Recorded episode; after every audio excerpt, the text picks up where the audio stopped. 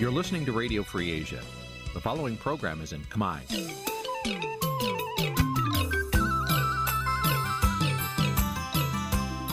Nǐ chi càm bi tiệp xáy vệt chiu a zì sê នេះជាកម្មវិធីផ្សាយរបស់ Vithu Azisari ជាភាសាខ្មែរ វិទ្យុអស៊ីសេរីសូមស្វាគមន៍លោកអ្នកនាងទាំងអស់ពីរដ្ឋធានី Washington នៃសហរដ្ឋអាមេរិក ចាប់ផ្សាយផ្ទាល់ពីរដ្ឋធានី Washington នាងខ្ញុំសុជីវីសូមជម្រាបសួរលោកអ្នកនាងដែលកំពុងតាមដានការផ្សាយរបស់ Vithu Azisari ទាំងអស់ជាទីមេត្រីយើងខ្ញុំសូមជូនកម្មវិធីផ្សាយសម្រាប់យប់ថ្ងៃអង្គារ15កើតខែកដិកឆ្នាំខាលចត្វាស័កពុរសករាជ2566ចាប់ត្រូវនៅថ្ងៃទី8ខែវិច្ឆិកាគ្រិស្តសករាជ2022ជាដំបូងនេះសូមអញ្ជើញលោកអ្នកនាងស្ដាប់ព័ត៌មានប្រចាំថ្ងៃដែលមានមេត្តាដូចតទៅ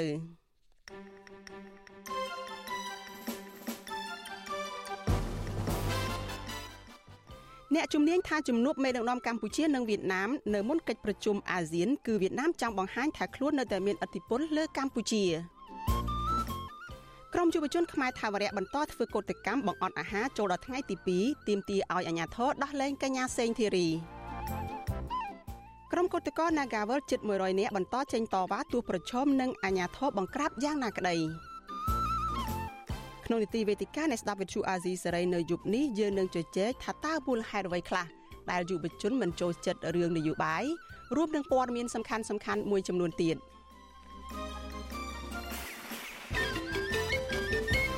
ចាជាបន្តទៅទៀតនេះនាងខ្ញុំសុជីវីសូមជូនព័ត៌មានទាំងនេះពិស្ដាចលនានាងជាទីមេត្រីក្រមយុវជនខ្មែរថាវរៈនៅតែបន្តធ្វើយុទ្ធនាការបង្អត់អាហារនិងសមាធិនៅក្នុងខេត្តព្រះវិហារ ដើម្បីជំរុញឲ្យរដ្ឋាភិបាលនិងតុលាការផ្លាស់ប្តូរគោលជំហរបញ្ឈប់ការធ្វើទុកបុកម្នេញនិងដោះលែងកញ្ញាសេងធីរីរួមទាំងអ្នកទោសមនសិការដទៃទៀត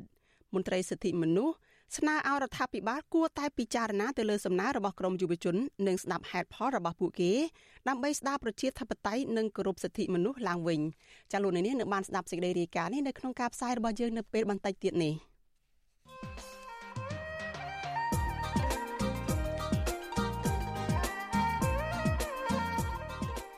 ចាលោកនាងកញ្ញាជាទីមេត្រីចារបាយការណ៍ថ្មីមួយបង្ហាញថាយុវជនខ្មែរមិនសូវចាប់អារម្មណ៍នឹងរឿងនយោបាយនោះទេក្នុងចំណោមយុវជន1600នាក់ដែលត្រូវបានស្ទង់មតិមានយុវជនភៀសតិចប៉ុណ្ណោះដែលនិយាយថាពួកគេចាប់អារម្មណ៍រឿងនយោបាយខណៈដែលយុវជនភៀសច្រើនថាពួកគេមិនចាប់អារម្មណ៍ទាល់តែសោះឬក៏ចាប់អារម្មណ៍តែបន្តិចបន្តួចទៅលើកិច្ចការនយោបាយតើមានមូលហេតុអ្វីខ្លះដែលធ្វើឲ្យយុវជនមិនចាប់អារម្មណ៍រឿងនយោបាយដូចនេះ តើនឹងមានផលវិបាកអ្វីខ្លះនៅពេលដែលយុវជនមិនចាប់អារម្មណ៍ពីរឿងនយោបាយ ហើយថាតើត្រូវធ្វើដំណេចទើបយុវជនងាកមកចាប់អារម្មណ៍រឿងនយោបាយនេះឡើងវិញចាសសូមអញ្ជើញលោកអ្នកនាងរងចាំទស្សនាវេទិកានៃស្ដាប់វិទ្យុអាស៊ីសេរីនៅយប់នេះចាដែលនឹងជជែកតាក់ទងនឹងប្រធានបទនេះកុំបីខានចាប្រសិនបើលោកអ្នកនាងចាំមានជាសំណួរឬក៏មានចម្ងល់លោកអ្នកនាងអាចដាក់លេខទូរស័ព្ទរបស់លោកអ្នកនាងនៅក្នុងខ្ទង់ comment នៃ Facebook និង YouTube របស់វិទ្យុអាស៊ីសេរីចាក្រុមការងាររបស់យើងនឹងស្រង់លេខទូរស័ព្ទរបស់លោកអ្នកនាងហើយទូរស័ព្ទទៅលោកអ្នកនាងវិញដើម្បីផ្ដល់ឱកាស ឲ្យលោកអ្នកនាងបានសួរឬក៏បញ្ចេញមតិយោបល់នៅក្នុងវេទិកានៃស្ដាប់វិទ្យុអាស៊ីសេរីនៅយប់នេះ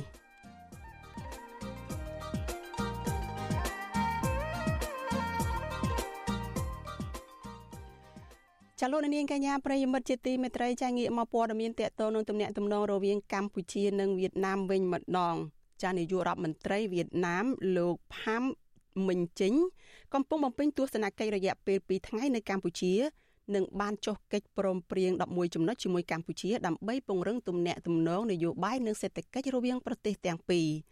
ចាអ្នកជំនាញកិច្ចការអន្តរជាតិលើកឡើងថាជំនួបរវាងលោកយមត្រីហ៊ុនសែននិងមេដឹកនាំវៀតណាមនៅមុនកិច្ចប្រជុំកំពូលអាស៊ាននេះគឺដោយសារតែវៀតណាមចង់បង្ហាញមេដឹកនាំនៃបណ្ដាប្រទេសនានាថាវៀតណាមនៅតែមានឥទ្ធិពលនៅលើកម្ពុជានៅឡើយចាសសូមអញ្ជើញលោកអ្នកនាងរងចាំតាមដានសេចក្តីរាយការណ៍នេះនៅក្នុងការផ្សាយរបស់យើងនៅពេលបន្តិចទៀតនេះដែរ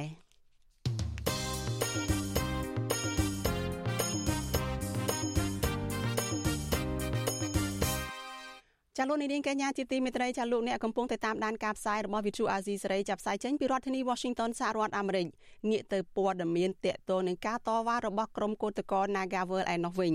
ចាក្រុមកោតក្រ Nagawal ជិត100នាក់នៅរសៀលថ្ងៃទី8ខែវិច្ឆិកានេះនៅតែបន្តធ្វើកោតកម្មដោយសន្តិវិធីដើម្បីទាមទារឲ្យថៃកែចេញមុខដោះស្រាយវិវាទការងារប្រកបដោយយុត្តិធម៌ ដោយសពដងដែរក្រុមកោតក្រនាំគ្នាវាយស្គរផ្លុំកញ្ចែនិងលើកបដានៅខាងមុខអគារក្រុមហ៊ុនខណៈដែលអាជ្ញាធរនិងក្រុមសង្គមស៊ីវិលចាខណៈដែលក្រុមអាជ្ញាធរនិងក្រុមដែលជាជនស្លៀកពាក់ស៊ីវិលគ្មានអត្តសញ្ញាណច្បាស់លាស់នោះបន្តពង្រាយកម្លាំងតាមឃ្លាំមើលក្រុមកោតក្រកាន់តែច្រើនកោតក្រម្នាក់កញ្ញាសុកថាវុធចាត់ទុកទង្វើរបស់អាជ្ញាធរនិងជនស៊ីវិលបែបនេះថាជាការគំរាមកំហែងបំផិតបំភ័យទៅដល់ក្រុមកោតក្រធ្ងន់ធ្ងរ កញ្ញាបន្តថាទោះនៅក្នុងអំឡុងពេលកម្ពុជាធ្វើជាម្ចាស់ផ្ទះនៃកិច្ចប្រជុំកំពូលអាស៊ាននិងកិច្ចប្រជុំពាក់ព័ន្ធយ៉ាងណាក្តីក៏ក្រុមកោតក្រ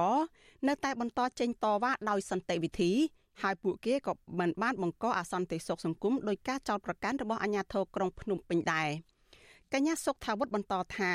ក្រសួងការងារនិងរដ្ឋាភិបាល គួរតែឈរលើជំហរអព្យាក្រឹតចេញមុខដោះស្រាយវិវាទការងារនេះឲ្យបានត្រឹមត្រូវតាមច្បាប់ដើម្បីលើកមុខមាត់កម្ពុជានៅក្នុងនាមជាប្រធានបដូវវេនអាស៊ាន។ បើកោតកម្មអត់មានថ្ងៃសម្រាប់គឺកោតកម្មលុះត្រាតែមានដំណោះស្រាយបានយើងឈប់បើអត់មានដំណោះស្រាយមកយើងឈប់មិនកើតហើយរឿងការប្រជុំអាស៊ានខាងមុខហ្នឹងពួកយើងក៏មិនដឹងធ្វើម៉េចដែរពួកអីយើងត្រូវមកធ្វើកោតកម្មច្បាប់អត់មានត្រូវហាមឃាត់ទេកោតកម្មតើមានដំណោះស្រាយបានយើងអាចឈប់បានអាអ្នកខាងបើណានៅពីក្រោយអាហ្នឹងខ្ញុំមិនដឹងទេដឹងអាអ្នកនៅពីមុខមានអាញាធរហ្នឹងមកកាងឲ្យតកែណាកាវើមានទាំងក្រសួងពាក់ព័ន្ធផ្សេងហ្នឹងអត់អត់ចូលរួមដោះស្រាយទៅទៀតអញ្ចឹងខ្ញុំរឿងខកចិត្តរបស់ស្ថាប័នទាំងអស់ហ្នឹង ចាក្រៅពីក្រមកោតក្រនាំគ្នាទៅឈរស្រ័យទៀមទារកដំណោះស្រាយទាំងកណ្ដាលថ្ងៃក្តៅនោះនៅរសៀលថ្ងៃទី8ខែវិច្ឆិកាដដែលនេះក្រុមកោតក្រក៏បាននាំគ្នារៀបចំដង្វាយបន្តិចបន្តួចចាជាខ្នាតតូចដោយមានអំបុកចេកដូងធូបទៀននៅខាងមុខអាគារបនលបៃ Nagavel ដើម្បីអបអរពីរាជពិធីបុណ្យអុំទូក ចាខណៈកម្ពុជាធ្វើជាម្ចាស់ផ្ទះនៅក្នុងកិច្ចប្រជុំកំពូលអាស៊ាននិងកិច្ចប្រជុំពាក់ព័ន្ធនានាដែលមានក្រុមមេដឹកនាំប្រទេសធំធំដូចជាប្រធានាធិបតីអាមេរិកលោកโจ Biden មកចូលរួមផងនោះរដ្ឋាភិបាលហាក់ទំនងមិនចង់ឲ្យក្រុមមេដឹកនាំនៃបណ្ដាប្រទេសប្រជាធិបតេយ្យធំធំមើលឃើញអំពីទស្សនវិជ្ជាតវ៉ារបស់ក្រុមកោតក្រ Nagavel នោះទេ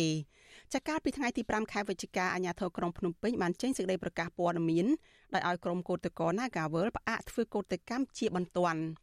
លិខិតព្រមានដដែលនោះបន្តថាប្រសិនបើក្រុមកោតក្រ Nagavel បន្តប្រមូលផ្ដុំគ្នាធ្វើការតវ៉ា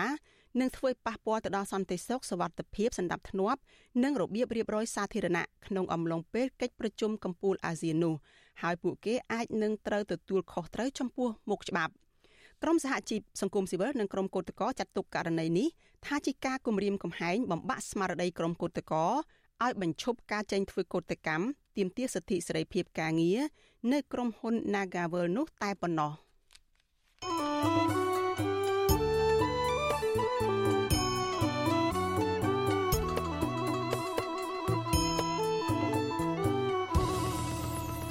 ចាលោកនាងកញ្ញាជាទីមេត្រីចាសេចក្តីរាយការណ៍ពីខេត្តព្រៃវែងឯនោះឲ្យដឹងថាប្រជាពលរដ្ឋជិត200នាក់រស់នៅក្នុងខេត្តនេះ បាននាំគ្នាផ្តិតមេដៃសម្ដែងការមិនពេញចិត្តចំពោះករណីអាញាធរមូលដ្ឋាននៅក្នុងខេត្តនេះបានខົບខិតគ្នារំលោភយកដីសាលាឃុំទៅធ្វើជាសម្បត្តិបុគ្គល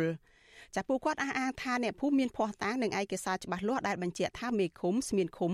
និងមន្ត្រីជំនាញសូរិយោដីខ្លះបាននាំគ្នាខົບខិតរំលោភយកដីរដ្ឋទាំងបំពេញចាប់ពីរដ្ឋធានី Washington លោកមានរិទ្ធរាយការណ៍ព័ត៌មាននេះ ក្រុមពលរដ្ឋទាំងនោះរស់នៅក្នុងភូមិចំនួន3ស្ថិតនៅក្នុងឃុំព្រៃសម្បួរស្រុកពីមជោបន្តទៀមទាឲ្យអាជ្ញាធរឃុំព្រៃសម្បួរស្មានឃុំរួមទាំងមន្ត្រីសូរិយោដីត្រូវប្រគល់ដីរដ្ឋស្ថិតនៅក្នុងបរិវេណសាលាឃុំព្រៃសម្បួរដែលខ្លួនបានរំលោភយកជូនរដ្ឋវិញជាបន្ទាន់ ប្រតិកម្មនេះកើតមានឡើងក្រោយពីមានការបែកធ្លាយឯកសារបង្កាន់ដៃវាស់វែងដីរដ្ឋទំហំប្រមាណជិត1ហិកតា ដែលមានភាពមិនប្រក្រតីពាក់ព័ន្ធនឹងមន្ត្រីសរុប9នាក់ដែលបានខົບខិតគ្នាលួចកាត់ដីសាលាឃុំចែកគ្នាជា9ចំណែកតាំងពីខែកក្កដាឆ្នាំ2021មក អ្នកភូមិថាពួកគាត់ភ្ញាក់ផ្អើលក្រោយពីទទួលដំណឹងនេះដោយចាត់ទុកថាអាញាធមមកពីគណៈបកប្រជាជនកម្ពុជា បានប្រព្រឹត្តកំហុសធ្វើឲ្យពលរដ្ឋមិនសប្បាយចិត្តតំណាងពលរដ្ឋម្នាក់លោកធឿនស្នាប្រាប់វិសុយស៊ីស្រីនៅថ្ងៃទី8ខែវិច្ឆិកាថាពួកលោករកឃើញភ័ស្តុតាងជាឯកសារមិនប្រក្រតីដែលបញ្ជាក់ថាអតីតអភិបាលស្រុកពីមជោលោកសេងធាអតីតមេឃុំព្រៃសម្បួរលោកសុនយឹមដែលទើបនឹងស្លាប់ មេឃុំស្ដីទីព្រៃសម្បួរលោកកយសុផលស្មានឃុំ និងមន្ត្រីសូរិយោដីសរុប9នាក់បានខົບខិតគ្នារំលោភយកដីរដ្ឋពុះជាលោលោកថាអាញាធរខលខូចទាំងនោះមានគម្រោងពុះដីរដ្ឋរំលោភយកជាសម្បត្តិបុគ្គល ទំហំក្បាលដី30ម៉ែត្របណ្ដោយ30ម៉ែត្រចំនួន9ឡូនៅក្នុងនោះក៏រួមមានមន្ត្រីសូរិយោដីចូលរួមដែរលោកសង្កត់ធ្ងន់ថាបុរដ្ឋនឹងយកញត្តិមានស្នាមមេដាយអ្នកភូមិជិត200នាក់ ទៅដាក់នៅថ្នាក់ជាតិប៉ះសិនបើអាជ្ញាធរមូលដ្ឋានមិនដោះស្រាយករណីនេះទេ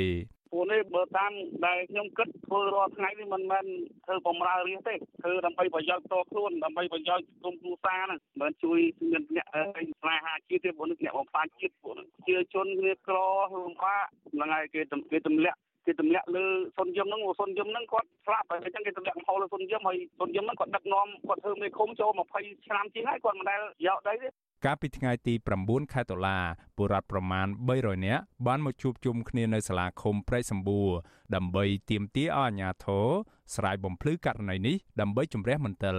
បុរដ្ឋថានៅក្នុងពេលតវ៉ាអាជ្ញាធរខេត្តខ្លះនិងមន្ត្រីគណៈបកប្រជាជនថ្នាក់ខេត្តបានមកជួបក្រុមបុរដ្ឋហើយសន្យាថានឹងដោះស្រាយក្តីកង្វល់រួមរបស់ប្រជាពលរដ្ឋ អ្នកភូមិទាំងនោះមានបំណងចង់រក្សាដីសាលាឃុំ ដែលជាដីត្រៀមបំរុងប្រយោជន៍រួមមិនចង់ឲ្យមានការកាន់កាប់ជាកម្មសិទ្ធិបុគ្គលណាមួយឡើយឆ្លើយតបនឹងរឿងនេះមេឃុំព្រែកសម្បួរស្ដីទី លោកកុយសុផលបដិសេធថាលោកមិនជាប់ពាក់ព័ន្ធនឹងករណីរំលោភយកដីសាលាឃុំនោះឡើយហើយករណីនេះអាចថាពលរដ្ឋមិនទាន់ទទួលបានព័ត៌មានច្បាស់លាស់លោកថាអាញាធរឃុំបានប្រកាសទ្រព្យសម្បត្តិរបស់រដ្ឋ ទៅមន្ទីរសេដ្ឋកិច្ចនិងហិរញ្ញវត្ថុជារៀងរាល់ឆ្នាំរួមទាំងដីសាលាឃុំទាំងមូលផងលោកបញ្ជាក់ថាបច្ចុប្បន្នដីសាលាឃុំពុំមែនជាកម្មសិទ្ធិរបស់បុគ្គលណាម្នាក់ឡើយដីនេះខ្ញុំពេលក្រោយពីចុះបាញ់ចុះមកវិញជាលក្ខណៈប្រព័ន្ធការរដ្ឋបាលឃុំបានយកដាក់ប្លង់ដឺម៉ាស់ហៅប្លង់ដឺម៉ាស់ដាក់ចូលទៅខាងមន្ទីរសេដ្ឋកិច្ចរៃវត្ថុជាសម្បត្តិរបស់រដ្ឋអញ្ចឹងណាអញ្ចឹងគេជាប្រាប់ពីខាងបុជុវិញថាដីនេះមិនមែនជាដីរបស់បុគ្គលណាមួយទេជាដីរបស់រដ្ឋ ជុំវិញរឿងនេះមន្ត្រីនាំពាក្យសមាគមការពារសិទ្ធិមនុស្សអាត6លោកសឹងសានករណាយល់ថាក្រសួងមហាផ្ទៃគួរតែអន្តរាគមដោះស្រាយករណីនេះហើយប្រសិនបើរកឃើញថាអាជ្ញាធរមូលដ្ឋានទាំងនោះខົບខិតគ្នាយកដីរដ្ឋលក់ខុសច្បាប់គួរតែដាក់ទោសទណ្ឌដើម្បីប្រមានដល់មន្ត្រីពាក់ព័ន្ធដទៃទៀត ជាការកោតសរសើរចំពោះបងប្អូនប្រជាពលរដ្ឋគាត់ហ៊ានអនុវត្តនៅសិទ្ធិរបស់ពួកគាត់ក្នុងការការពារនៅផលប្រយោជន៍រួមនៅពីជារឿងមួយដែលល្អហើយក៏គួរប្រជាពលរដ្ឋនៅបណ្ដាតំបន់ផ្សេងទៀតហ៊ានអនុវត្តនៅសិទ្ធិសេរីភាពទាំងអស់នេះដែរដើម្បីការពារនៅផលប្រយោជន៍រួមបើសិនជាមិនហ៊ានអនុវត្តទេជាធម្មតាផលប្រយោជន៍ទាំងអស់ហ្នឹងនឹងបានទៅអាជ្ញាធរដែលខលខូចទាំងអស់នោះហើយ មន្ត្រីសង្គមសេវារុនេះបន្ថែមថាដីសាលាឃុំ គឺជាទ្រព្យសម្បត្តិរបស់រដ្ឋដូច្នេះហើយអាជ្ញាធរឃុំនិងមន្ត្រីពាក់ព័ន្ធគ្មានសិទ្ធិធ្វើកម្មសិទ្ធិរំលោភយកជាឯកជនបាននោះទេ ហើយប៉ះសិនបើមានការលក់ឬដោះដូរត្រូវធ្វើឡើងតាមលំដាប់លំដោយនៃនីតិវិធីឬអនុប្រយោគចេញដោយអនុក្រឹត្យរបស់រដ្ឋាភិបាលខ្ញុំបាទមេរិត Visual C ស្រីរាយការណ៍ពីរដ្ឋធានី Washington ចាលោកនាងជាទីមេត្រីចាយើងងាកទៅព័ត៌មានតកតងនឹងការប្រារព្ធពិធីបុណ្យអុំទូកនៅឯខេត្តសៀមរាបឯណោះ ចាប់ពិធីបុណ្យអុំទូកបណ្ដែតប្រទីបនិងសំពះព្រះខែអកអំបុកនៅខេត្តព្រះនៅខេត្តសៀមរាបគឺមានចំនួនមនុស្សណែនណាន់តាន់តាប់ដោយសារតែពលរដ្ឋមកពីគ្រប់ទិសទីបាននាំគ្នាសម្រុកទៅកំសាន្តនៅទីនោះភ្ញៀវទេសចរសម្រុកទៅកំសាន្តនៅតំបន់អង្គរច្រើនកុះកលនៅពេលនេះអាជ្ញាធរក្រុងសៀមរាបបានរៀបចំការតាំងពិព័រណ៍ប្រគំតន្ត្រីសម័យពិធីសម្ដែងសម្ដែងរបាំបុរាណនិងការប្រណាំងទូកនៅតាមបណ្ដោយដងស្ទឹងសៀមរាបនៅក្នុងក្រុងសៀមរាប ភ្ញៀវទេសចរមកពីខេត្តកណ្ដាលលោកម៉ៅឆេនប្រាប់វិទ្យុអាស៊ីសេរីនៅថ្ងៃទី8ខែវិច្ឆិកាថាពលរដ្ឋមកពីខេត្តផ្សេងផ្សេងមកដើរលេងកម្សាន្តនៅក្នុងខេត្តសៀមរាបយ៉ាងច្រើនស្ទើរតែគ្មានកន្លែងចតរថយន្តនៅក្នុងក្រុងសៀមរាបលោកថាពលរដ្ឋជាច្រើនបានបង្ហាញអារម្មណ៍សប្បាយរីករាយនៅក្នុងពិធីបុណ្យនេះដោយខ្លះដើរកម្សាន្តឆ្ងាយឆ្ងាយនៅតាមតំបន់ទន្លេសាបខ្លះទស្សនាប្រាសាទនិងខ្លះទៀតជិះកង់កម្សាន្តតាមតំបន់ឧស្សាហអង្គរជាដើម។ ជារួមទៅមកទីរួមខេត្តស្ទឹងថាមកក្រុងសៀមរាបនោះគឺពោពេញទៅដោយបងប្អូនភ្ញៀវទេសចរក្នុងស្រុករបស់យើងតែម្ដងបាទច្រើនច្រើនមែនទែនបាទមិនសឹងថាសឹងមិនដែលថាមានពេលណាច្រើនដូចពេលហ្នឹងទេសន្តាគារជាច្រើនដែលពីមកមុនមកកូវីដដែលយើងមានការឃើញថាការបិទហ្នឹងក៏មានដំណើរការឡើងវិញទទួលភ្ញៀវក្នុងស្រុកនិងបរទេសដែលមានការស្នាក់នៅផងដែរ ចាវិទ្យុអាស៊ីសេរីនៅមិនទាន់អាចសូមការបំភ្លឺពីអភិបាលខេត្តសៀមរាបកាលោកលោកទាសីហាដើម្បីសាកសួរព័ត៌មានបន្ថែមពីការប្រារព្ធពិធីបុណ្យអុំទូកនៅឯខេត្តសៀមរាបនេះនៅឡើយទេចាអាជ្ញាធរខេត្តសៀមរាបបានប្រកាសប្រារព្ធពិធីបុណ្យអុំទូកបណ្ដែតប្រទីបនិងសំពះព្រះខែអអំបុកចាប់ពីថ្ងៃទី7ដល់ថ្ងៃទី9ខែវិច្ឆិកាហើយចាប់តាំងពីម៉ោង5ព្រឹកគឺតែងតែមានមនុស្សកុះកធ្វើដំណើរតាមរថយន្តតាមរមាក់ម៉ូតូ និងតាមម៉ូតូជាដើមសម្រុកចូលទៅកំសាន្តនៅតំបន់អង្គរដែលជាហេតុធ្វើឲ្យផ្លូវសំខាន់សំខាន់នៅក្នុងទីក្រុងនេះកកស្ទះចរាចរណ៍ដោយអន្លើ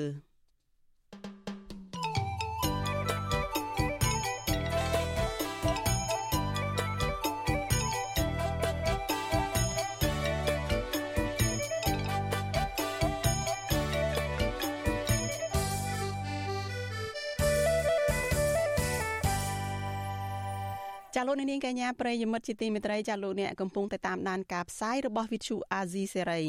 ចានាយករដ្ឋមន្ត្រីវៀតណាមលោកផាមមិញជិញកំពុងបំពេញទស្សនកិច្ចរយៈពេល2ថ្ងៃនៅកម្ពុជានិងបានចុះកិច្ចព្រមព្រៀង11ចំណុចជាមួយកម្ពុជាដើម្បីពង្រឹងទំនាក់ទំនងនយោបាយនិងសេដ្ឋកិច្ចអ្នកជំនាញកិច្ចការអន្តរជាតិលើកឡើងថាជំនួបរវាងនាយករដ្ឋមន្ត្រីទាំងពីរនេះនៅមុនកិច្ចប្រជុំអាស៊ានគឺវៀតណាមចង់បង្ហាញមេដឹកនាំបណ្ដាប្រទេសនានា ថាវៀតណាមនៅតែមានឥទ្ធិពលនៅលើកម្ពុជាជាប្រធានាធិបតី Washington លោកទីនសការីយ៉ារាយការណ៍ព័ត៌មាននេះអ្នកជំនាញវិជាសាស្ត្រនយោបាយនិងកិច្ចការអន្តរជាតិលោកអែមសវណ្ណរាសង្កេតឃើញថាវត្តមានមេដឹកនាំវៀតណាមនៅកម្ពុជានៅពេលនេះគឺបង្ហាញរូបភាពពីរយ៉ាង ទី1គឺរូបភាពខាងក្នុងជាការបង្ហាញថាកម្ពុជានិងវៀតណាមកំពុងតែតំណែងតំណងប្រទេសទាំងពីរនិងពាណិជ្ជកម្មបន្ថែមទៀតទោះជាយ៉ាងណាអ្នកជំនាញផ្នែកវិទ្យាសាស្ត្រនយោបាយរូបនេះលើកឡើងទៀតថា ចំពោះរូបភាពខាងក្រៅវិញគឺវៀតណាមចង់បង្ហាញឲ្យសហគមន៍អន្តរជាតិឃើញថាវៀតណាមនៅតែមានឥទ្ធិពលលើកម្ពុជាលោកអែមសវណ្ណរាបន្ថែមថានេះជានយោបាយការបរទេសឆ្លៀតវៃរបស់វៀតណាម។ បាទក្នុងកន្លែងហ្នឹងគេហៅថាអាចឲ្យអន្តរជាតិចាប់អារម្មណ៍ពីភាពបត់បែនភាពទន់ភ្លន់របស់វៀតណាមការដើរតួនាទីជាអ្នកនយោបាយការបរទេសទន់ភ្លន់ឬក៏វិញឆ្លាតនៅក្នុងតំបន់នៅក្នុងក្របខ័ណ្ឌហ្នឹងគេអាចមើលឃើញហើយបាទន័យថាយើងមិនបដិសេធយើងមិនទុកលើកពេលទៅជំនួបនៅក្រៅហ្នឹងព្រោះអន្តរជាតិទោះបីជាគេមិនថាក៏គេអាចពិចារណាទៅលើអធិបតេយ្យវៀតណាមដែលមាននៅលើក្នុងបណ្ដារដ្ឋក្នុងសមាជិកអាស៊ានដូចកម្ពុជាដែរហើយបាទ លោកអែមសវណ្ណរាលើកឡើងទៀតថាវៀតណាមកំពុងតែបង្ហាញទៅមេដឹកនាំប្រទេសផ្សេងទៀតអំពីទូរទស្សន៍និងនយោបាយការបរទេសរបស់ខ្លួនមកលើកម្ពុជាការលើកឡើងដូចនេះនៅគ្រាដាលនាយករដ្ឋមន្ត្រីវៀតណាមលោកផាមមិញជីងកំពុងតែបំពេញទស្សនកិច្ចនៅកម្ពុជារយៈពេល2ថ្ងៃចាប់ពីថ្ងៃទី8ដល់ថ្ងៃទី9វិច្ឆិការយៈពេល2ថ្ងៃដែលនាយករដ្ឋមន្ត្រីវៀតណាមលោកផាមមិញជីងមកបំពេញទស្សនកិច្ចនៅកម្ពុជា មេដឹកនាំវៀតណាមរំនេះមានគម្រោងជួបមេដឹកនាំកម្ពុជា រួមមាននាយរដ្ឋមន្ត្រីហ៊ុនសែនប្រធានប្រសិទ្ធិលោកសាយឈុំនិងប្រធានរដ្ឋសភាលោកហេងសំរិនជាដើមដំណើរទស្សនកិច្ចនៅថ្ងៃទី8វិច្ឆិកានាយករដ្ឋមន្ត្រីវៀតណាមលោកផាំមិញជិញបានជួបលោកហ៊ុនសែនដើម្បីពង្រឹងទំនាក់ទំនងនយោបាយនិងសេដ្ឋកិច្ចភាគីទាំងពីរក៏បានចុះកិច្ចព្រមព្រៀងលើឯកសារចំនួន11ចំណុចរួមមាន វិស័យក្រសួងកសិកម្មក្រសួងពាណិជ្ជកម្មទូរគមនាគមន៍ការងារនិងវិស័យហិរញ្ញវត្ថុជាដើមទោះជាយ៉ាងណាភាគីទាំងពីរមិនបានលើកឡើងតាក់ទងនឹងបញ្ហាបោះបង្គោលព្រំដែននោះទេជំនួយការលោកនាយរដ្ឋមន្ត្រីហ៊ុនសែនគឺលោកអៀងសុផាឡែតថ្លែងប្រាប់ក្រុមអ្នកសារព័ត៌មានក្រោយពីចុះកិច្ចព្រមព្រៀងនេះថាភាគីវៀតណាមអបអរសាទរលោកហ៊ុនសែនក្នុងនាមជាប្រធានអាស៊ានលោកបន្តទៀតថាប្រទេសទាំងពីរបន្តពង្រឹងទំនាក់ទំនងគ្នាបន្តទៀត តាមរយៈការពង្រឹងពាណិជ្ជកម្មការវិនិយោគនៅតំបន់ព្រំដែននិងការបើកច្រកព្រំដែនបន្ថែមទៀតជាដើម។ទស្សនវិជ្ជាទាំងនយោបាយទាំងទស្សនវិជ្ជាសេដ្ឋកិច្ចបាននៅក្នុងនោះថ្នាក់ដឹកនាំកម្ពុជាទាំងពីរបានឯកភាពគ្នាពង្រឹងនិងពង្រីកកិច្ចសហប្រតិបត្តិការមិត្តភាពរវាងប្រទេសទាំងពីរជាពិសេសលើវិស័យសេដ្ឋកិច្ចតាមរយៈបន្តជំរុញការផ្លាស់ប្ដូរបាទថ្នាក់ដឹកនាំរវាងប្រទេសទាំងពីរទាំងយុវជនទាំងប្រជាជនរវាងប្រទេសទាំងពីរ ទោះជាណាអតីតសមាជិកសភាគណៈបកសង្គ្រោះជាតិលោកអ៊ុំសំអានក៏សម្គាល់ឃើញថាការធ្វើពាណិជ្ជកម្មនៅប្រទេសទាំងពីរមិនស្មើភាពគ្នាទេលោកបន្តថាតំណែងកម្ពុជានាំចូលទៅវៀតណាម មានតិចតួចប៉ុន្តែវៀតណាមនាំតំណែងមកកម្ពុជាវិញមានច្រើនលើសលប់លោកលើកឡើងទៀតថាទោះបីជាលោកហ៊ុនសែនដឹងថាវៀតណាមកេងចំណេញពីការធ្វើពាណិជ្ជកម្មនេះក្តីប៉ុន្តែលោកហ៊ុនសែននៅតែធ្វើតាមវៀតណាមចង់បាន ពីព្រោះលោកហ៊ុនសែនត្រូវការពឹងពាក់សូមឲ្យវៀតណាមជួយគ្រប់គ្រងផែនការផ្ទេរអំណាចពីលោកហ៊ុនសែនទៅលោកហ៊ុនម៉ាណែតចំណេញគឺថាចំណេញទីសំខាន់បំផុតគឺទៅដល់ការកាន់អំណាចរបស់គាត់ហ្នឹងក្រុមគ្រួសាររបស់គាត់ហើយហើយលៀបសការៈដែលមន្ត្រីមួយចំនួនគេនាំចូលមកហ្នឹងតាមដែលយើងដឹងគឺថាតំណែងមួយចំនួនហ្នឹងគឺនាំចូលមកពីវៀតណាមហ្នឹងគឺមានទាំងឧបនាយករដ្ឋមន្ត្រីនៅជាអ្នកនៅពីក្រោយខ្នងហ្នឹងហើយនាំចូលមកហ្នឹងត្រូវបងពន្ធបានថា100%អញ្ចឹងបងថា50% 30%អញ្ចឹង ជុំវិញនឹងការលើកឡើងទៀតថាវៀតណាមទទួលបានផលចំណេញពីជំនួបនេះអ្នកនាំពាក្យគណៈបកប្រជាជនកម្ពុជាលោកសុកអេសានលើកឡើងថានេះជាជំនួបដែលតែងតែកើតមានរវាងមេដឹកនាំកម្ពុជាជាមួយមេដឹកនាំវៀតណាមលោកបន្តថាក្រៅពីមេដឹកនាំវៀតណាមក៏មានមេដឹកនាំប្រទេសផ្សេងទៀតជួបជជែកទ្វេភាគីជាមួយលោកហ៊ុនសែនដែរ។ អត់មាននិយាយរឿងចំណេញទៅប្រទេសណាមួយទេគឺចំណេញទាំងសងខាងគេជួបទ្វេភាគីដើម្បីពង្រឹងទំនាក់ទំនងមិត្តភាពសាមគ្គីភាពកិច្ចសហប្រតិបត្តិការរវាងប្រទេសទាំងពីរឲ្យកាន់តែមានភាពរឹងមាំហើយអានេះជាការពូនជ្រុំនៃចំណងមិត្តភាពសាមគ្គីភាពនិងកិច្ចសហប្រតិបត្តិការទោះជាយ៉ាងណាទន្នន័យពីគណៈយកឋានកយនឹងរដ្ឋកោកម្ពុជានៃក្រសួងសេដ្ឋកិច្ចនិងហិរញ្ញវត្ថុបង្ហាញថា ចាប់ពីខែមករាដល់ខែមីនាឆ្នាំ2022ការផ្លាស់ប្តូរទំនិញរវាងកម្ពុជានិងវៀតណាមមានទឹកប្រាក់កើនឡើងជាង13%ស្មើនឹងជាង1700លានដុល្លារក្នុងនោះការនាំទំនិញពីកម្ពុជាទៅវៀតណាមមានចំនួនទឹកប្រាក់ជាង700លានដុល្លារគឺកើនជាង3%រីឯការនាំចូលទំនិញពីវៀតណាមមកកម្ពុជាវិញគឺកើនឡើងជាង22%ស្មើនឹងទឹកប្រាក់ជាង900លានដុល្លារ វៀតណាមគឺជាប្រទេសមានទំនាក់ទំនងពាណិជ្ជកម្មធំទី3ជាមួយកម្ពុជា បន្ទាប់ពីប្រទេសចិនដែលមានទឹកប្រាក់ជាង2800លានដុល្លារនិងអាមេរិកមានទំហំពាណិជ្ជកម្មជាមួយកម្ពុជាជាង2000លានដុល្លារកម្ពុជាដែលជាប្រធានអាស៊ានបដូវវេននឹងរៀបចំកិច្ចប្រជុំកំពូលអាស៊ាននិងកិច្ចប្រជុំពាក់ព័ន្ធចាប់ពីថ្ងៃទី8ដល់ថ្ងៃទី13វិច្ឆិកាខាងមុខនេះក្រៅពីមេដឹកនាំវៀតណាមនាយករដ្ឋមន្ត្រីកុម្មុយនីសចិនលោកលីខីឈៀង ក៏មានគម្រោងជួបលោកហ៊ុនសែនដែរចាប់ពីថ្ងៃទី8ដល់ថ្ងៃទី11វិច្ឆិកាទោះជាណានៅពេលរដ្ឋាភិបាលលោកហ៊ុនសែនកំពុងតែជាប់រវល់ជួបមេដឹកនាំវៀតណាមគេមិនទាន់ឃើញនាយករដ្ឋមន្ត្រីចិនលោកលីខឺឈៀងធ្វើដំណើរមកកម្ពុជានៅឡើយទេទាក់ទងនឹងកិច្ចប្រជុំកំពូលអាស៊ាននេះដែរអាដាមមន្ត្រីនៃបណ្ដាប្រទេសអាស៊ាន រួមមានគណៈប្រតិភូជាន់ខ្ពស់ហ្វីលីពីនថៃនិងឡាវជាដើមបានធ្វើដំណើរមកដល់កម្ពុជាជាបណ្ដាបណ្ដាហើយ ខ្ញុំទីនសាការីយ៉ាអស៊ីសេរីប្រធានីវ៉ាស៊ីនតោន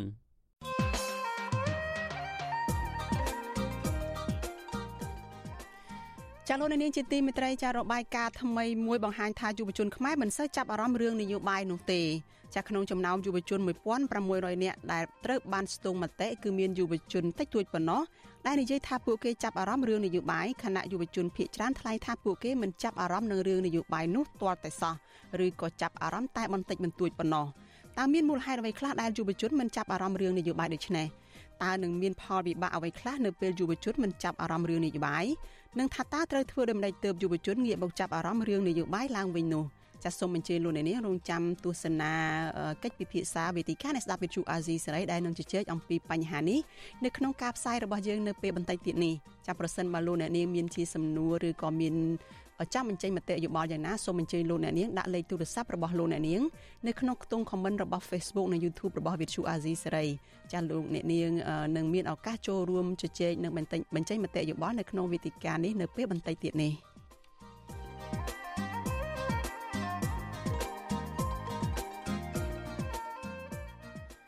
ចលនានាងជាទីមេត្រីចែកងាកទៅព័ត៌មានតកតងនឹងក្រមយុវជនដែលនាំគ្នាបង្អត់អាហារទាមទារឲ្យមានការដោះលែងកញ្ញាសេងធីរីឯនេះវិញចាក្រមយុវជនខ្មែរថាវរៈនៅតែបន្តធ្វើយុទ្ធនាការបង្អត់អាហារនិងសមាធិនៅខេត្តព្រះវិហារដើម្បីជំរុញឲ្យរដ្ឋាភិបាលនិងតុលាការផ្លាស់ប្តូរគោលជំហរបញ្ឈប់ធ្វើទុកបុកម្នេញនិងដោះលែងកញ្ញាសេងធីរីរួមទាំងអ្នកទោសមនសិការដទៃទៀតឲ្យមានសេរីភាពឡើងវិញ មន្ត្រីសិទ្ធិមនុស្សស្នើឲ្យរដ្ឋាភិបាលថាគួរតែពិចារណាទៅលើសំណើរបស់យុវជន និងស្ដាប់ហេតុផលរបស់ពួកគេដើម្បីស្ដារប្រជាធិបតេយ្យនិងការគោរពសិទ្ធិមនុស្សឡើងវិញពីរដ្ឋធានី Washington លោកនៅវណ្ណរិនរាយការណ៍អំពីរឿងនេះនេះគឺជាថ្ងៃទី2ហើយដែលក្រមយុវជនថាវរៈបានធ្វើយុទ្ធនាការបង្អត់អាហារដើម្បីឲ្យរដ្ឋាភិបាលមើលឃើញឆន្ទៈរបស់យុវជន និងដោះលែងសកម្មជនការពារសិទ្ធិមនុស្សនានា ជាពិសេសកញ្ញាសេងធីរីឲ្យមានសេរីភាពឡើងវិញសមាជិកក្រុមយុវជនថាវរៈលោកស្វាយសំណាងឲ្យវិទ្យុអាស៊ីសេរីដឹងការពីថ្ងៃទី8វិច្ឆិកាថាកោតកម្មបង្អត់អាហារនេះធ្វើឡើងដើម្បីជាសារប្រាប់ទៅរដ្ឋាភិបាលពីភាពវេទនារបស់ពលរដ្ឋនៅក្នុងការទៀមទាយុត្តិធម៌ឲ្យអ្នកទោសមនសិការនានា ជាពិសេសកញ្ញាសេងធីរីដែលត្រូវបានអាជ្ញាធរចាប់ឃុំខ្លួននៅក្នុងពន្ធនាគារក្នុងតំបន់ដាច់ស្រយាលដោយអយុត្តិធម៌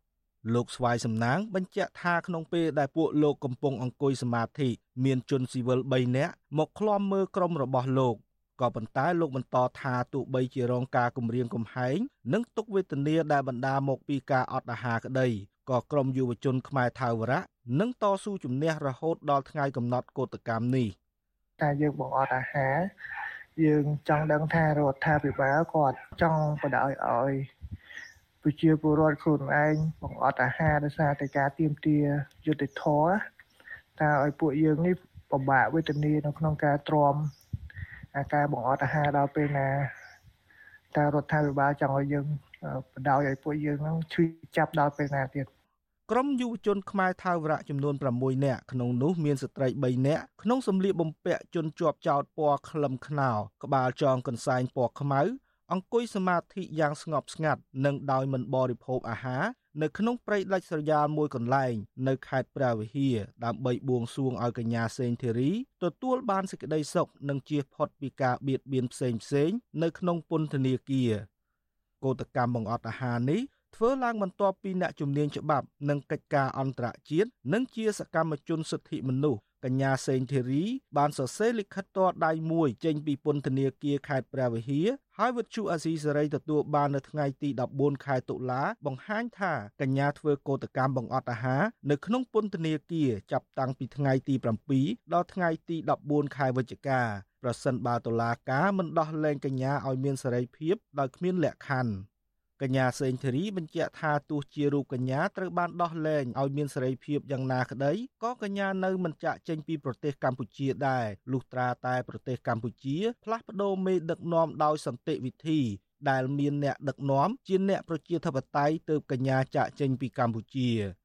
តេតិននឹងរឿងនេះអ្នកនាំពាក្យអគ្គនាយកដ្ឋានពន្ធនាគារលោកនុតសាវណ្ណានៅតែអះអាងថារដ្ឋាភិបាលគ្មានសិទ្ធិសម្រេចដោះលែងកញ្ញាសេងធីរីក្រៅប្រព័ន្ធតុលាការឡើយចំណែកឯការធ្វើកោតកម្មបង្អត់អាហាររបស់កញ្ញាសេងធីរីក៏មន្ត្រីពន្ធនាគារមិនមានសិទ្ធិហាមឃាត់នោះដែរទន្ទឹមនឹងនេះលោកថាមន្ត្រីពន្ធនាគាររបស់លោកក៏បានត្រៀមថ្នាំសង្កូវនិងពេទ្យដើម្បីត្រៀមលក្ខណៈសង្គ្រោះបឋមរួចហើយដែរ ព្រោះថាហ្នឹងវាជាការអនុវត្តទឹករបស់គាត់អញ្ចឹងកុំឲ្យថាមានការបំបិទសិទ្ធិសេរីភាពហ្នឹងគាត់ធ្វើទៅតែយើងមិនចោលកាតព្វកិច្ចនិងទួនាទីរបស់យើងទេគឺធ្វើម៉េចត្រៀមលក្ខណៈដើម្បីជួយសង្គ្រោះគាត់ណា ទោះជាមានការអះអាងពីមន្ត្រីពន្ធនាគារពីភាពឯករាជ្យរបស់ស្ថាប័នតុលាការក្តីក៏ប៉ុន្តែប្រជាពលរដ្ឋអ្នកតាមដានសង្គមនិងសង្គមស៊ីវិលនៅតែមើលឃើញថាស្ថាប័នយុត្តិធម៌មួយនេះស្ថិតក្រោមឥទ្ធិពលរបស់គណៈបកកណ្ដាលអំណាចដែលដឹកនាំដោយលោកហ៊ុនសែនហើយប្រើប្រាស់ប្រព័ន្ធច្បាប់មួយនេះជាឧបករណ៍ចោទប្រកាន់អ្នកដែលមាននិន្នាការផ្ទុយពីរដ្ឋាភិបាលឯកបកជុំវិញរឿងនេះអ្នកនាំពាក្យសមាគមអាត់ហុក លោកសង្សានករណាមានប្រសាសន៍ថារដ្ឋាភិបាលគួរពិចារណាលើសំណើរបស់ក្រមយុវជន ដែលលះបង់ពេលវេលា និងសុខភាពដើម្បីស្ដារប្រជាធិបតេយ្យនិងបើកលំហសិទ្ធិមនុស្សលោកបន្តថាទន្ទឹមនឹងនេះរដ្ឋាភិបាលគួរតែប្រញាប់កែលម្អសួនប្រជាធិបតេយ្យឡើងវិញ ដើម្បីបន្ថយសម្ពាធតានតឹងការបរទេស និងស្ដារមុខមាត់កម្ពុជា លើឆាកនយោបាយអន្តរជាតិ លោកសង្សានករណាបន្ថែមថាការដែលរដ្ឋាភិបាលមិនទទួលស្គាល់ទោសកំហុសរបស់ខ្លួនទេនោះនឹងធ្វើឲ្យសេរីភាពបញ្ចេញមតិរបស់ពលរដ្ឋខ្លួនឯងធ្លាក់ចុះកាន់តែខ្លាំងដែលនាំឲ្យប៉ះពាល់ដល់ការរីកចម្រើននៃប្រទេសជាតិ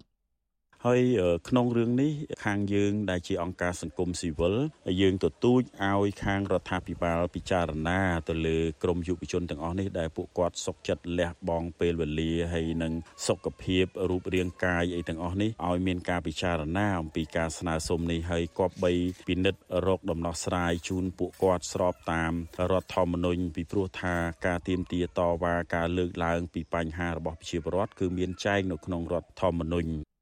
សមត្ថកិច្ចក្រុងភ្នំពេញបានចាប់ខ្លួនកញ្ញាផ្សេងធីរី កាលពីថ្ងៃទី14ខែមិថុនានៅខាងមុខតុលាការក្រុងភ្នំពេញក្រោយតុលាការប្រកាសសាលក្រមកាត់ទោសឲ្យកញ្ញាជាប់ពន្ធនាគារចំនួន6ឆ្នាំពីបទចោទរួមគំនិតក្បត់ក្នុងសំណុំរឿងវិលចូលស្រុករបស់លោកសំរងស៊ីកាលពីឆ្នាំ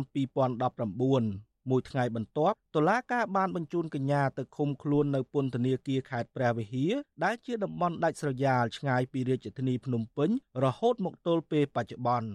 ការចោទប្រកាន់ចាប់ខ្លួនកញ្ញាសេងធីរីដោយគ្មានមូលដ្ឋានច្បាស់លាស់បែបនេះធ្វើឲ្យសហគមន៍ជាតិនិងអន្តរជាតិជាពិសេសរដ្ឋាភិបាលអាមេរិករិះគន់រដ្ឋាភិបាលកម្ពុជា ថាយកប្រព័ន្ធយុត្តិធម៌មកប្រើប្រាស់ដើម្បីសងសឹករឿងនយោបាយជាជាងការអនុវត្តច្បាប់ ខ្ញុំបាទនៅវណ្ណរិន with Chu Azizi Saray ពីរដ្ឋធានី Washington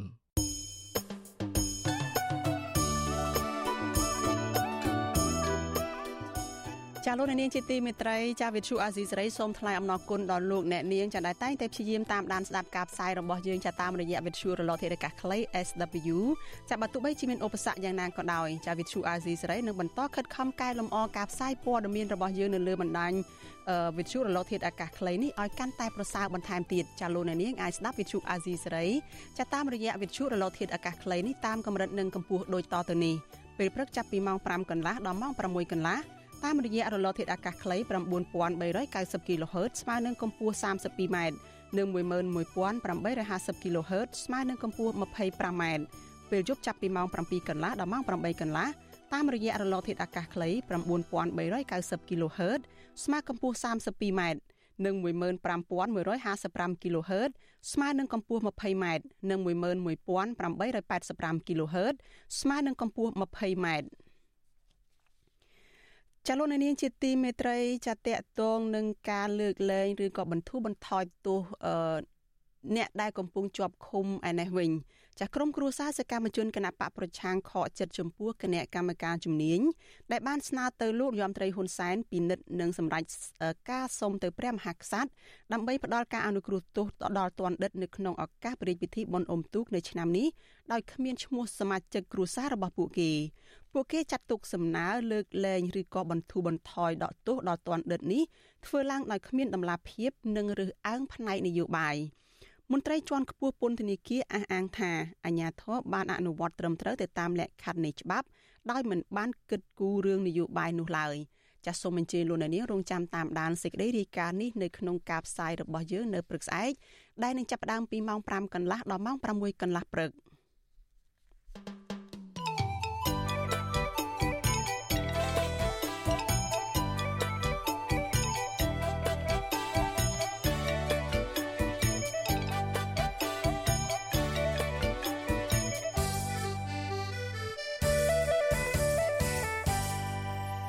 កនាងកញ្ញាជាទីមេត្រីនៅឯខេត្តព្រះសីហនុឯណោះប្រជានេសាទត្រីកំងនៅក្នុងខេត្តនេះត្អូញត្អែពីតម្លៃត្រីកំងធ្លាក់ចុះថ្លៃដោយសារតែម្ចាស់សិប្បកម្មធ្វើត្រីកំងចំហុយនាំចូលត្រីពីប្រទេសវៀតណាមច្រើនពេកមន្ត្រីសង្គមស៊ីវិលយល់ថារដ្ឋាភិបាលនិងស្ថាប័នពាក់ព័ន្ធគួរតែពិនិត្យនិងស្រាវជ្រាវដោះស្រាយបញ្ហានេះជូនដល់ពលរដ្ឋចាលោកនាងក៏នឹងបានស្ដាប់សេចក្តីរាយការណ៍នេះនៅក្នុងការផ្សាយរបស់យើងនៅព្រឹកស្អែកដែរ។ ចាលោកនាងជាទីមេត្រីចាលោកអ្នកទើបតែបានស្ដាប់ព័ត៌មានប្រចាំថ្ងៃដែលរៀបចំជូនដោយនាងខ្ញុំសុជីវីចាជាបន្តទៅទៀតនេះចាគឺជានីតិវិទ្យាអ្នកស្ដាប់វិទ្យុអាស៊ីសេរីចានីតិវិទ្យាអ្នកស្ដាប់វិទ្យុអាស៊ីសេរីនៅយប់នេះចាសម្របសម្រួលដោយលោកយ៉ងច័ន្ទតារាដោយលោកផ្ដោតទៅលើថាតើមូលហេតុអ្វីខ្លះដែលធ្វើឲ្យយុវជនមិនចាប់អារម្មណ៍រឿងនយោបាយហើយថាតើមានផលវិបាកអ្វីខ្លះនៅពេលយុវជនមិនចាប់អារម្មណ៍រឿងនយោបាយនិងថាតើត្រូវធ្វើដូចម្តេចខ្លះ ដើម្បីឲ្យយុវជនងាកមកចាប់អារម្មណ៍រឿងនយោបាយវិញនោះចាសសូមអញ្ជើញលោកអ្នកនាងតាមដានវិទ្យការអ្នកស្ដាប់វិទ្យុអាស៊ីសេរីចាសឲ្យជួបជាមួយនឹងលោកយ៉ងច័ន្ទតារានៅក្នុងការផ្សាយរបស់យើងនៅពេលបន្តិចទៀតនេះចាសនាងខ្ញុំសូមអរគុណនិងសូមជម្រាបលា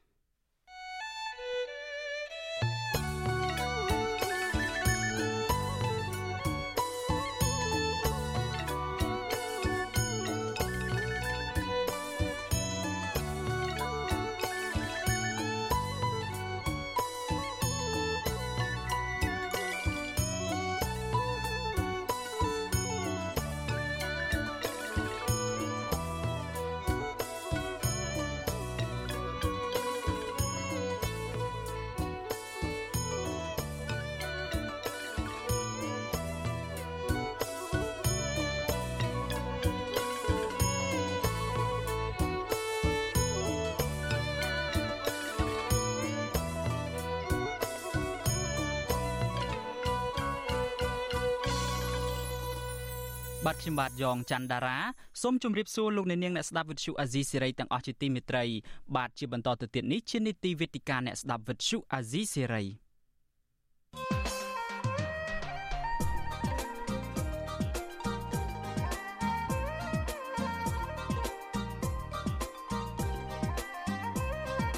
វេទិកាអ្នកស្ដាប់វិទ្យុអាស៊ីសេរី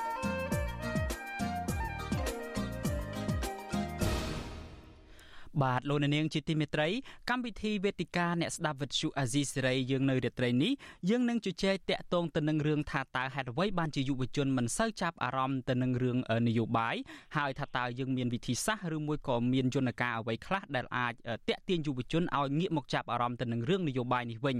បាទយើងមានវាគ្មិនកិត្តិយស3រូបដែលអញ្ជើញចូលរួមជាមួយយើងនៅពេលនេះគឺទី1មានលោកពេជ្រពិសីដែលជានាយកប្រតិបត្តិអង្គការដំឡាភិបកម្ពុជា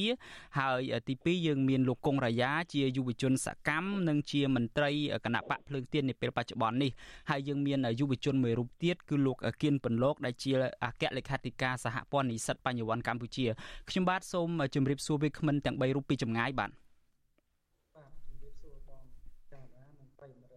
បាទសូមជម្រាបសួរបាទបាទបាទជម្រាបសួរ ខ្ញុំបាទបានឮសំឡេងវាគ្មិនទាំង3រូបហើយហើយយើងអត់ទាន់បានឃើញរូបភាពនៅឡើយទេក៏ប៉ុន្តែយើងនឹងអាចបន្តសន្ទនាគ្នារយៈពេលវែងតទៅមុខទៀតមុននឹងយើងចូលទៅដល់ការជជែកពិភាក្សានេះខ្ញុំបាទសូមជូនសាវតាមួយចំនួនពាក់ព័ន្ធទៅនឹងបញ្ហាយុវជននេះដោយលោកអ្នកនាងប្រហែលជាបានជ្រាបស្រាប់ហើយថា